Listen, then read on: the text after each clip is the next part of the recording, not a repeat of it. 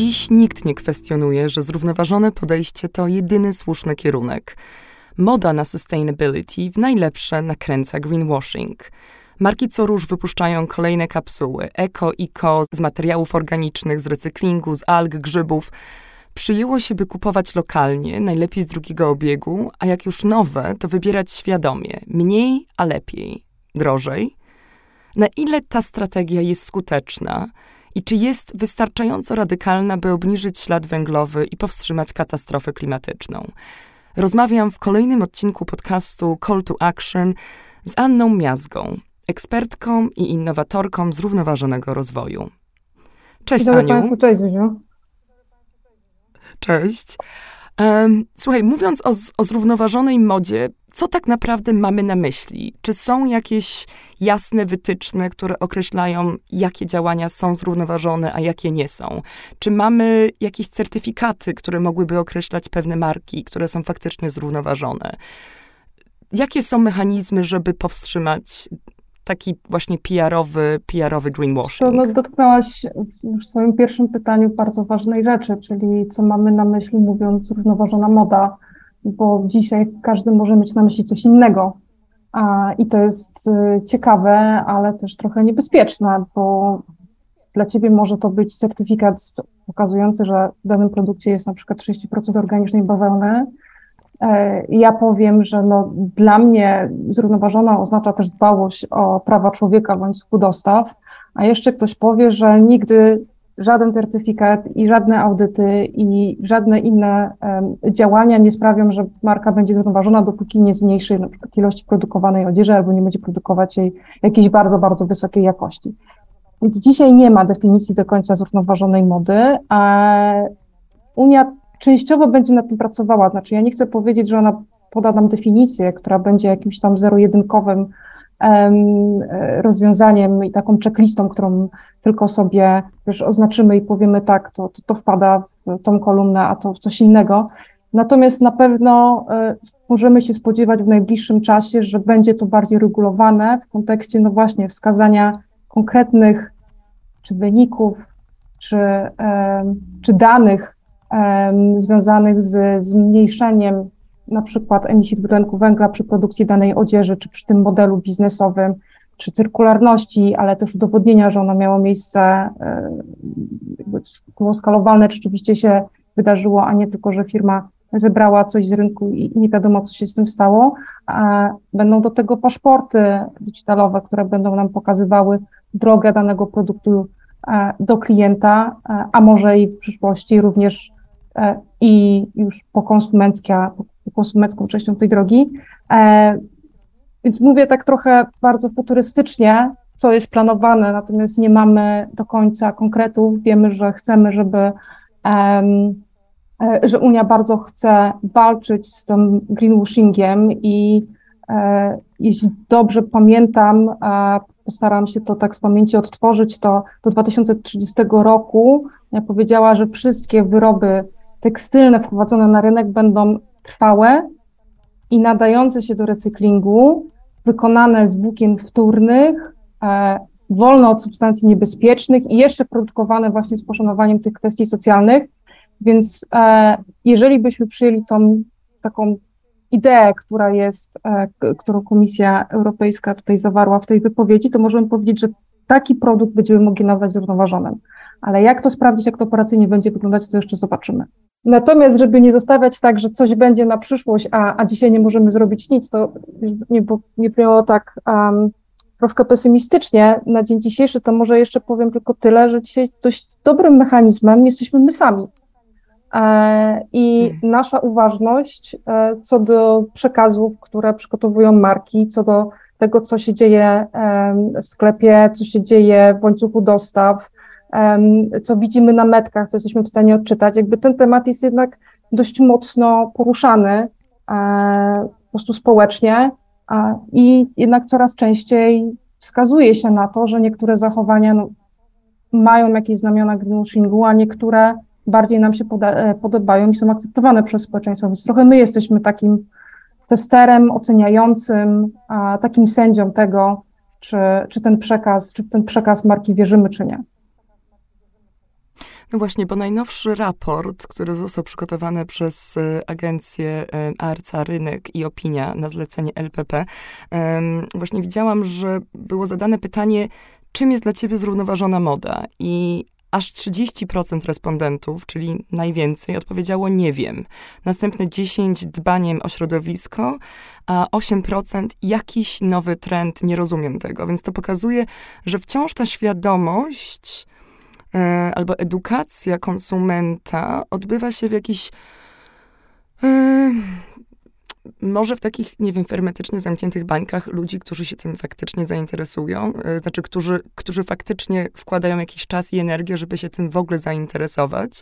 Um, I też w dużej mierze wynika to, myślę, z braku zrozumienia chyba też podstawowych pojęć, e, bo to nawet jeżeli będziemy mieli um, paszporty, yy, mamy już coraz lepsze metki, które też coraz więcej informacji nam dają na temat danego, danego produktu, to wydaje mi się, że wciąż wiele z tych pojęć jest jednak nieznane. I tak chciałam z tobą trochę przejść przez taką ściągę, yy, ściągę zrównoważonej mody. Czym są te podstawowe pojęcia i czym one się od siebie różnią? E, I tutaj na przykład upcykling, recykling, cyrkularność. Czy mogłabyś trochę zrobić takie rozróżnienie? No tak, zaraz o tym powiem, ale jeżeli pozwolisz jeszcze komentarz do edukacji konsumentów, e, bo mam wrażenie, że Oczywiście. jesteśmy bardzo mocno e, w branży nastawieni właśnie na, na edukowanie konsumentów, na takie trochę wymaganie w stosunku do nich, żeby, żeby oni byli świadomi i wiedzieli, na jaki produkt głosować swoimi pieniędzmi, a na jaki nie, i tym samym dawać pewne pozwolenie i, e, i też promować pewne, pewne zachowania marek.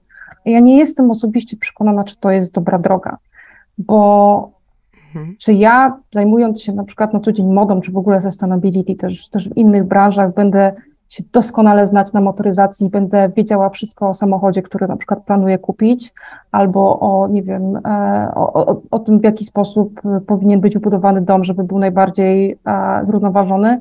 Nie będę nigdy ekspertem od wszystkiego i to trochę też nie o to chodzi. Chodzi o to, żeby ułatwić klientowi e, podejmowanie tej decyzji, żeby to było naprawdę bardzo proste i intuicyjne. To jedno podejście, a drugie, pewnie przyszłościowe bardziej, to to, to pewne przeniesienie odpowiedzialności na marki. I dzisiaj widzimy często, też wychodzi w różnych badaniach właśnie z młodymi ludźmi, oni nie chcą zmieniać swoich nawyków. Dalej kupują dużo. Mhm. Oni chcą, żeby to marka zapewniła im komfortowe zakupy i czyste sumienie. Czyli żeby to marka wzięła na siebie odpowiedzialność zadbania, żeby każdy ich produkt docelowo był zrównoważony. Był wolny od przemocy, był e, e, wolny od e, naruszania praw człowieka, był no, może nie przyjazny dla środowiska, ale przynajmniej mniej szkodzący na tyle, ile dzisiaj to pozwala. Więc jakby to edukacja klientów, rozumiem, czemu idziemy w tą stronę, bo to jest ogromna siła, która może zmienić świat. Ale pamiętajmy też, że ta odpowiedzialność zawsze będzie w dużej mierze na, spoczywała na, na markach przede wszystkim. Absolutnie, czyli chodzi też o to, żeby w ogóle wyplenić takie marki i dlatego regulacje odgórne by nam bardzo pomogły, bo po prostu nie byłoby żadnego przyzwolenia. Po prostu każdy produkt w e, sklepie powinien być zrównoważony, powinien być sprawdzony i nie powinien szkodzić, albo przynajmniej szkodzić jak najmniej. No tak. No tak, zwłaszcza, że to też się jednak w dużej mierze opiera na tym, że Metki, opisy to jedna rzecz, ale zwracamy uwagę przede wszystkim też na cenę. To się najbardziej wyróżnia na, na każdej metce i wydaje mi się, że konsumenci w dużej mierze jednak cały czas kierują się. Tak, to, to potwierdziło ceną. nasze badanie z stycznia, badanie Accenture, um, drugie życie ubrań. E, sprawdzaliśmy właśnie, jak Polacy kupują, ale też pozbywają się ubrań, jakie naprawiają, co z nimi robią. E, no, no jasno potwierdza trend, który jest przez cały czas ten sam. Cena jest najważniejsza. Coraz ważniejsze są inne kwestie, hmm. ale jeżeli będziemy mieli um, dwa produkty e, podobne, e, jeden będzie zrównoważony, a drugi, drugi będzie konwencjonalny, tak to nazwijmy, i ten zrównoważony będzie dużo droższy, no to raczej większość klientów wybierze, wybierze ten tańszy. Więc odpowiedzialność jest bardziej jednak mimo wszystko po stronie marek. To marki powinny i rządy też, i kwestie prawodawstwa, tak? My nie powinniśmy dopuszczać do tego, że tak. w ogóle sprzedawane są produkty, które nam szkodzą i przez nam myślę o całym społeczeństwu. bo ja uważam, że nam szkodzi też to, że e, szwaczka w Bangladeszu nie będzie miała dzisiaj co jeść na kolację, bo jej na przykład nie zapłacono. Oczywiście, absolutnie. Tak jeszcze wiem, że y, tę, tę, tę ściągę zostawiamy na chwilę na bok, ale jeszcze chciałam wrócić do tego, co mówiłaś wcześniej y, o regulacjach, które mają być wprowadzone w Unii Europejskiej. Jak rozumiem, to jest, to, jest, to jest wprowadzone w Unii Europejskiej, ale będzie także miała wpływ na to, co się dzieje na innych kontynentach. Ale rzeczywiście, tak? bo my w Unii produkujemy bardzo mało ubrań. My raczej sprowadzamy wszystko z mm. Azji. E, Azja sprowadza z całego świata na przykład materiały więc to będzie dotyczyło i dzisiaj już w niektórych krajach zresztą e, są pewne regulacje związane, mogę zaraz podać przykład z Niemiec, e, które pokazują, że to importer w tym wypadku, czyli marka europejska, jest odpowiedzialna za to, co ona przywozi tutaj na rynek i sprzedaje w europejskich sklepach. I jako ten obiecany przykład powiem o Lieferkettengesetz, czyli to jest ustawa, która już chyba od rok temu została wprowadzona, jeżeli mnie pamięć, e, pamięć nie myli, która mówi, że ty, producencie w kraju niemieckim, jesteś odpowiedzialny za to, jeżeli w twoim łańcuchu dostaw doszło do naruszenia praw człowieka. Nawet jeżeli to nie był, mhm. nie była twoja firma, twoja fabryka, bo zazwyczaj nie jest, w 90 chyba 9,9%, e, mhm. e, to nie był twój pracownik bezpośrednio, to ty masz zadbać o to, żeby e, po pierwsze był system zgłaszania nieprawidłowości, czyli żeby ten pracownik mógł cię poinformować w jakiś sposób, bezpłatnie oczywiście, że coś takiego się wydarzyło i ty możesz odpowiadać za to, że wiedziałeś o tym, że nie monitorowałeś tego i że nic z tym nie zrobiłeś. Finansowo możesz odpowiadać.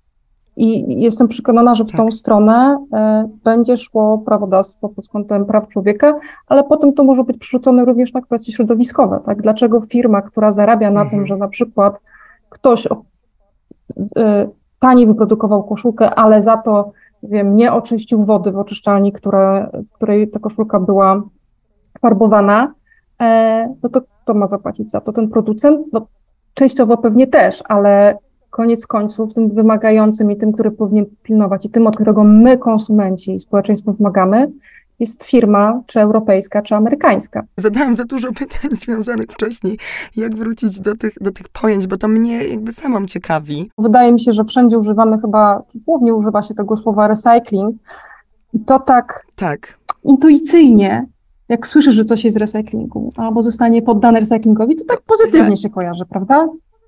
Tak, I też się kojarzy tak. pozytywnie. A, A wiesz co, bywa tak, różnie. Właśnie jest? o to chodzi, że to nie, mhm. że my wciąż potrzebujemy danych i informacji. I nie, jest tyle mm. niepewnych rzeczy. Ja bardzo lubię pracować w zrównoważonym rozwoju, bo okazywało, często okazuje się, że to, co w zeszłym tygodniu myśleliśmy, że rozwiązuje w ogóle wszystkie pro, problemy i bolączki, to jednak w ogóle, w ogóle to jest zła droga. I trochę tak, no właśnie, to o to chodzi też trochę, wiesz, taki też jest temat tegorocznej edycji konferencji Business Fashion Environment Summit, e, która się odbędzie 11 października w Warszawie. Właśnie zależało nam na tym, żeby zweryfikować pewne przyjęte prawdy, że to, co się przyjęło dekadę temu, niekoniecznie wciąż się sprawdza i, i na, ile, mm, na ile zyskujemy, a na ile jednak szkodzimy. No i takim właśnie recycling jest dość dobrym e, tematem e, do poruszenia również tam. No bo w recyklingu właśnie też jakby wchodzi to, o czym wspomniałaś, czyli downcycling i, i upcycling i um, dla przykładu zdecydowana większość ubrań, które oddajemy takich kontenerów, wiesz, które gdzieś tam leżą, czy nawet często do sklepów, jest poddawane, tak. albo niestety musi pójść na wysypisko śmieci. Przesłanie danego tekstylia czy, czy produktu na śmietnik jest najniżej w tej hierarchii e, zarządzania odpadem, więc to chcemy robić najrzadziej, mhm. najlepiej wcale. Potem mamy troszeczkę wyżej spalanie, tak. czyli odzysk e, energii e, z, mhm. z tego materiału. E, trochę wyżej będziemy mieli no właśnie downcycling i to się dzieje w sumie najczęściej, czyli z na przykład koszulki, czy w ogóle jakiegokolwiek tekstyliów możemy zrobić, możemy zrobić tak naprawdę mnóstwo rzeczy, można zrobić jakieś wypełniacze do materacy e, albo do mebli. Już też tak. widziałam takie izolacje e, w budownictwie. Dużo się używa w motoryzacji, czy w ogóle wszędzie, gdzie się używa, ale to jest no to jest downcycling, czyli produkt, który mieliśmy, który był wartości X, jest teraz wartości x minus, tak? No bo szmatka czy Tak, wypełnienie jest tak. warte mniej niż koszulka czy, czy, czy spodnie, czy kurtka. Recycling mamy wtedy, to się niestety dzieje bardzo rzadko, kiedy e, z danego produktu powstaje nowy produkt o podobnych właściwościach. A, I te ubrania, które my kupujemy z recyklingu, szczególnie mówimy o poliestrze, no 69% w- według e, raportu Synthetic Anonymous, e, chyba sprzed roku, jeśli dobrze pamiętam, mówi, e, raport podaje taką liczbę produktów, które dzisiaj jest na półkach sklepowych, właśnie pochodzi, głównym materiałem jest poliester, czyli to jest większość naszych ubrań. Rzeczywiście Mhm. coraz bardziej popularny jest poliester z recyklingu, bardzo wielu powodów, przede wszystkim jest w miarę dostępny, e, nie jest droższy, czasem jest w tej samej cenie, zdarzało się, że był i tańszy, e, nawet od konwencjonalnego poliestru. E, Natomiast wiele osób myśli, że to jest ubranie, które powstało z ubrania. A w zdecydowanej większości jest to ubranie, które powstało z butelki PET. I wbrew pozorom jest to downcycling, ponieważ butelka PET dzisiaj, jak policzymy to na kilogramy, jest to lepszy materiał niż poliester wykorzystywany do tekstyliów. Więc to nie jest tak zwane fiber to fiber, tak, włókno do włókna. To jest taki trochę święty gral Tak. dzisiaj w branży odzieżowej, że bardzo chcielibyśmy tak uzyskiwać te materiały i trochę móc właśnie zamknąć ten obieg. E, No to dzisiaj to się nie dzieje. Są oczywiście dyskusje w branży, czy to jest tak naprawdę bardzo źle, no bo z drugiej strony niektóre certyfikaty i firmy zapewniają, że te butelki to są śmieci zebrane z plaż, czy z lasów, czy z morza, więc to dobrze, że zostało to oczyszczone. No ale koniec końców Tak. nie pomaga nam to w rozwiązaniu problemu zbyt dużej ilości tekstyliów na świecie, e, którą dzisiaj mamy. No i mamy jeszcze, Bo to z powrotem, bo to, bo to z powrotem wraca do tego obiegu, tak, prawda, tak, to plastikowego dalej, no dalej mamy, to z tym jest Mhm. mnóstwo wyzwań, tak, dalej mamy mikroplastik, mamy Mhm. przede wszystkim brak transparentności, tak naprawdę skąd jest ten Tak. poliester, czy skąd jest ten plastik, to tworzywo sztuczne, jak został przetworzony, ile zostało zużyte energii do tego przetworzenia, bo przecież recycling to też nie jest działanie, które ma zerowy bilans energetyczny, emisyjny i wodny, tak, i chemiczny, to, to dalej Tak. zużywa e, i, i e, no właśnie energię, wodę i, i chemię.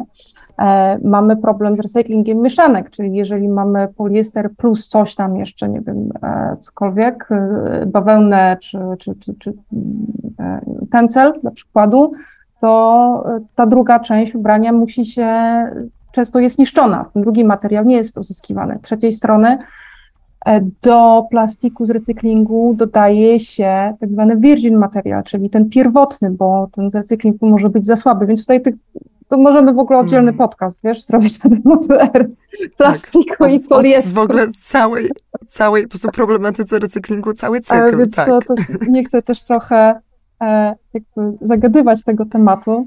E, Nie, ale to jest super ciekawe, wiesz co, bo powiem ci, diabeł tkwi właśnie w szczególe, bo tak właśnie rzucane są te hasła. Recykling, no recykling, jak, jak, tak jak mówisz, kojarzy się z czymś absolutnie pozytywnym. A jak to rozbijesz na te wszystkie włókna, na, na te wszystkie części składowe, no to zaczyna się robić problematycznie. No i został nam ten upcykling, Cykling czy upcycling. upcycling, no zdarza się zdecydowanie najrzadziej. Ja znam tak naprawdę na palcach jednej ręki inicjatywy, ewentualnie małe firmy, takie startupy, które się tym zajmują. Niestety to jest zazwyczaj mało skalowalne, ale dla przykładu, żeby Tak. słuchacze mogli sobie wyobrazić, na przykład jedna z nich, e, nie pamiętam z jakiego to kraju, ale na pewno nie polska firma, chyba szwedzka, z em, pościeli, która jest wykorzystywana w szpitalach czy w domach spokojnej starości, jak ona jest już zużyta, robi na przykład torby. E, tak, bardzo ładne, e, Mhm. zresztą takie, takie codzienne szoperki.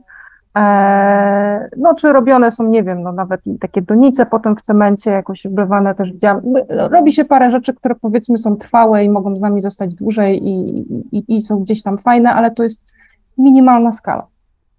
Minimalna.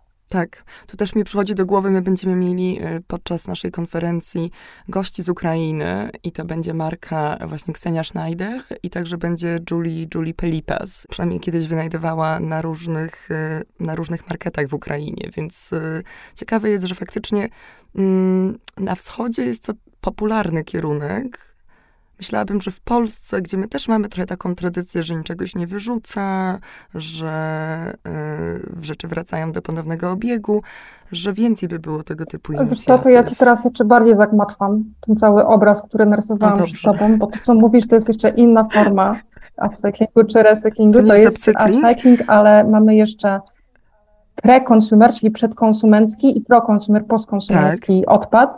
I teraz ten przedkonsumencki, czyli z fabryk, to jeszcze jest całkiem nieźle wykorzystywany z dwojakich powodów. E, Po pierwsze, to jest po prostu ekonomicznie opłacalne, bo za każdy metr bieżący po prostu materiału się płaci, więc e, Tak. szwalnia na przykład, która, która z tego korzysta, no to stara się jak najwięcej oczywiście e, wykorzystać, niczego nie marnować.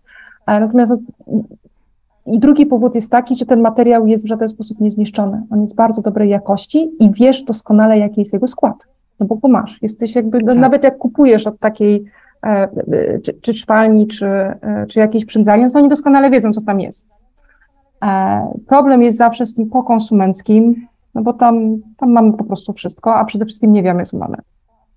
Jest jeszcze, jeszcze inne wyzwanie, chociaż absolutnie każda inicjatywa, która wykorzystuje jakiekolwiek formę odpadu, jest oczywiście dzisiaj nowego złota. Weszliśmy tak bardzo w sprawy, sprawy techniczne, ale faktycznie mnie to teraz zainteresowało. Jak jesteśmy w temacie materiałów, tkanin, jakie są lepsze, najlepsze dla środowiska? Y, Organiczna bawełna? Najlepsze są te, które już zostały wyprodukowane.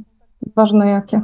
A, pięknie. Zamknęłaś temat, tak. Kurtyna, dobrze. Nie no, taka jest prawda, wiesz, my dzisiaj nie mamy problemu z tym, że, e, znaczy, oczywiście pewnym rozwiązaniem jest to, że korzystamy z materiałów, które przy etapie produkcji zużywają, czy uprawy, e, mniej wody, mniej chemii, e, nie wiem, że na przykład podczas barwienia jest zamknięty cykl, tak, wspomniałaś o, o Ecover czy o Tenslu, jakby jest trochę tych rozwiązań, natomiast ja specjalnie tak trochę tutaj odpowiedziałam na wskroś, bo wszyscy skupiamy się w cyrkularności czy tym ważeniu na tych materiałach. I to jest potrzebne, to trzeba iść, ale uważam, że to, to dzisiaj nie trzeba podkreślać. Trzeba podkreślać to, że nawet najbardziej zrównoważone materiały nam nie pomogą, jeżeli dalej będziemy sprzedawać i produkować tyle, ile sprzedajemy i produkujemy.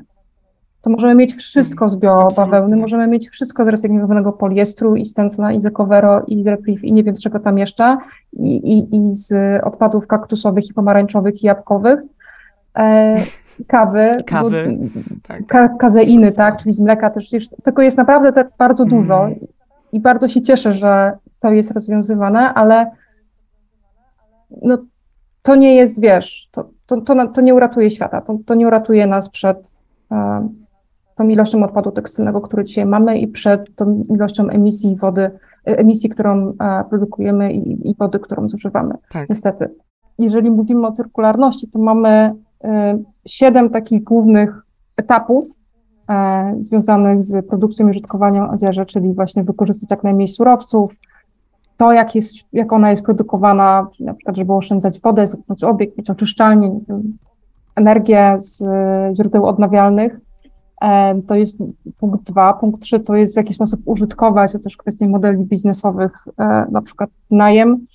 Cztery, jak naprawiać i w ogóle, żeby naprawiać. Pięć, jak ponownie wykorzystywać. Sześć, no, ten e ewentualny recycling, e, czy, e, czy, czy odzyskanie zasobów. No i siedem, w jaki sposób stworzyć, żeby było jak najmniej odpadów.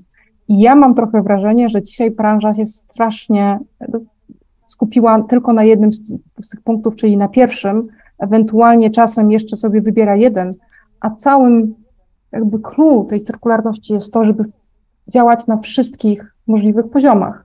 Nie mówię, że we wszystkim trzeba być najlepszym i być liderem, bo to może być oczywiście trudno, też jest mnóstwo wyzwań czysto technologicznych e, czy logistycznych do przeprowadzenia, ale e, mam pewien osobisty problem z tym, żeby mówić o cyrkularności, jeżeli ktoś skupia się właśnie tylko na, na jednym czy na, na, na dwóch etapach. A mówiłaś o uratowaniu świata i tak się zastanawiam, że uciekamy w te różne innowacyjne materiały, nowe technologie e, i właśnie o tym też będzie tegoroczna edycja konferencji Business Fashion Environment Summit. E, jak, jak nowe technologie wpływają na y, osiągnięcie celów zrównoważonego rozwoju. I ja wiem, że to mógłby być temat na kolejny cykl podcastów, ale tak chciałam Ciebie podpytać, jak Ty się zapatrujesz na, na wszechobecne metaversum i trend mody cyfrowej?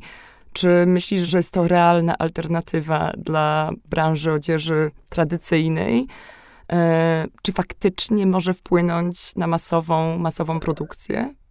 Nie wiem, czy tak bym chciała, wiesz co, wróżyć, czy, czy, czy wpłynie, czy nie wpłynie. E, nie wiem, czy dzisiaj można mm, tak powiedzieć i, i wiesz, i założyć, e, że to będzie x procent kiedyś rynku, czy, czy y. Natomiast no, myślę, że każda marka powinna zacząć się nad tym zastanawiać i wziąć pod uwagę jak może wykorzystać ten trend, e, nie tylko w kontekście biznesowym, ale też w kontekście właśnie sustainability. I powiem Ci jeszcze z badań, o których wspomniałam wcześniej, w naszym raporcie Accenture Drugie Życie, Życie Ubrań, my też o to zapytaliśmy młodych ludzi i e, wiele osób powiedziało, że zwraca ogromną uwagę, chyba 55% powiedziało, że, że zwraca uwagę na to, jak, jak jest ubrana na zdjęciach i filmach w mediach społecznościowych. Tak. I to jest na przykład świetne miejsce, w którym moglibyśmy zastąpić zwykłe ubranie, a, e, no właśnie e, jakąś wirtualną czy cyfrową jego wersją. A za jakiś czas tak, będziemy na tak. taki podcast może spotykać się w metaversum i to też będzie ważne, w jaki sposób się ubieramy, albo może konferencję będziemy mieli w metaversum. I tutaj widzę rzeczywiście realną oszczędność, chociaż nie możemy zapominać, że cały świat e, IT zużywa też bardzo dużo energii i ma coraz większy energii. wpływ na e, emisje na świecie, więc to, to też myśląc o zrównoważonym rozwoju, rozwijajmy, ale pamiętajmy, że też są sposoby, żeby troszeczkę zmniejszyć swój świat węglowy też, też w tym obszarze. Więc metaversum jak najbardziej ja bym się nad tym zastanawiała, chociaż jeszcze bym nie, nie, nie, nie, nie wróżyła pewnie, jak bardzo duży to będzie rynek i czy to jest na pewno rozwiązanie dla każdej marki na dzień, e, na dzień dzisiejszy, ale jestem przekonana, że młodzi są na to otwarci i że jest to pewien potencjał. Natomiast jest też mnóstwo technologii, którą my powinniśmy wykorzystywać dzisiaj w służbie sustainability we wszystkim innym, tak. projektowaniu, tak, żeby móc już założyć na przykład, jak będzie wyglądało życie i koniec tego produktu. E, w, e, no właśnie, takim śledzeniu całego łańcucha dostaw, żeby być pewnym, czy to rzeczywiście tak. pochodzi bawełna z tej farmy, która jest w tym kraju, w którym prawa człowieka są respektowane i w ogóle jest jakaś kontrola i my tam byliśmy i znamy adres w ogóle e, e, tego miejsca. E, nie wiem, do mierzenia w ogóle naszego śladu wodnego, chemicznego, to, to jest to, o czym powiedziałam przez chwilę, że nasza świadomość na temat naszego wpływu przez cały czas się zmienia, między innymi dlatego, albo nawet głównie dlatego, że pozyskujemy coraz więcej danych na temat tego wpływu. A, I ja w ogóle tak. jestem ogromnym zwolennikiem i rozmawiam z paroma firmami, nie tylko w Polsce, na temat tego, że wy musicie mierzyć już praktycznie wszystko. Nie możemy tego już robić w Excelu albo nie daj Boże na jakichś kartkach, tylko muszą być do tego systemy tak. połączone właściwie z każdym procesem w firmie, żeby dokładnie zrozumieć wasz wpływ, ale też, żeby móc nim zarządzać i wiedzieć, gdzie przyłożyć mhm. swoją uwagę, na czym się skupić, żeby reagować tam, gdzie jest potrzeba a nie też czasem tam, gdzie jest nam po prostu najłatwiej. Aniu, bardzo Ci dziękuję i nie mogę się doczekać, aż zobaczymy się na żywo w Warszawie 11 października. E, Ania będzie moderować dyskusję. E, Ania jako, jako Sustainability Manager w firmie Accenture będzie w rozmowie z Dana Thomas, e, European Sustainability Editor Voga brytyjskiego. To też swoją drogą będziemy poruszać temat, co to jest za funkcja i na czym ona dokładnie polega, ale Odsyłam do naszej konferencji. E, bilety można kupić na stronie wok.pl. Aniu, bardzo dziękuję. Dziękuję bardzo za zaproszenie i do zobaczenia w październiku.